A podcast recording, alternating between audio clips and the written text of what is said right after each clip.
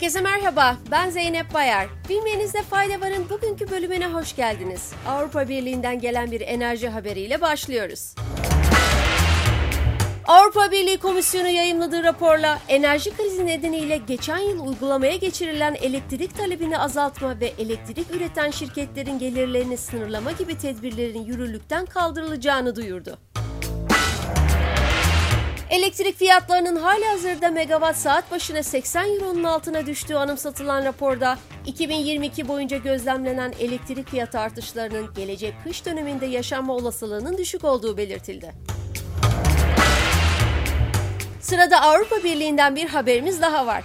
Avrupa Birliği teknoloji şirketlerinden yapay zeka tarafından üretilen metin ve görsellere tanımlayıcı etiket koymaları talebinde bulundu.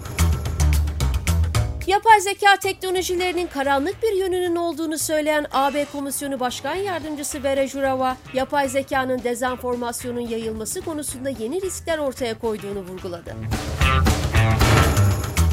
ABD'li teknoloji şirketi Apple sabırsızlıkla beklenen Vision Pro ürününü lanse etti. Ürünün özelliklerinde neler var gelin birlikte inceleyelim. 2014'ten bu yana ilk yeni ana ürün serisi olan Vision Pro başlığını tanıtan Apple, ürünün şirketin ilk uzamsal bilgisayarı olduğunu belirtti. Açıklamada Vision Pro'nun kullanıcının gözleri, elleri ve sesleri gibi mümkün olan en doğal ve sezgisel girdilerle kontrol edilen tamamen 3 boyutlu bir ara birim sunduğuna işaret edildi. Öte yandan ürünün 3499 dolardan başlayan fiyatlarla gelecek yılın başlarında satışa sunulacağı bildirildi. Uluslararası Hava Taşımacılığı Birliği'nin raporunda dünya genelinde 2022'de uçuşlarda sorun çıkaran yolcularının oranının 2021'e göre %47 artış gösterdiği kaydedildi.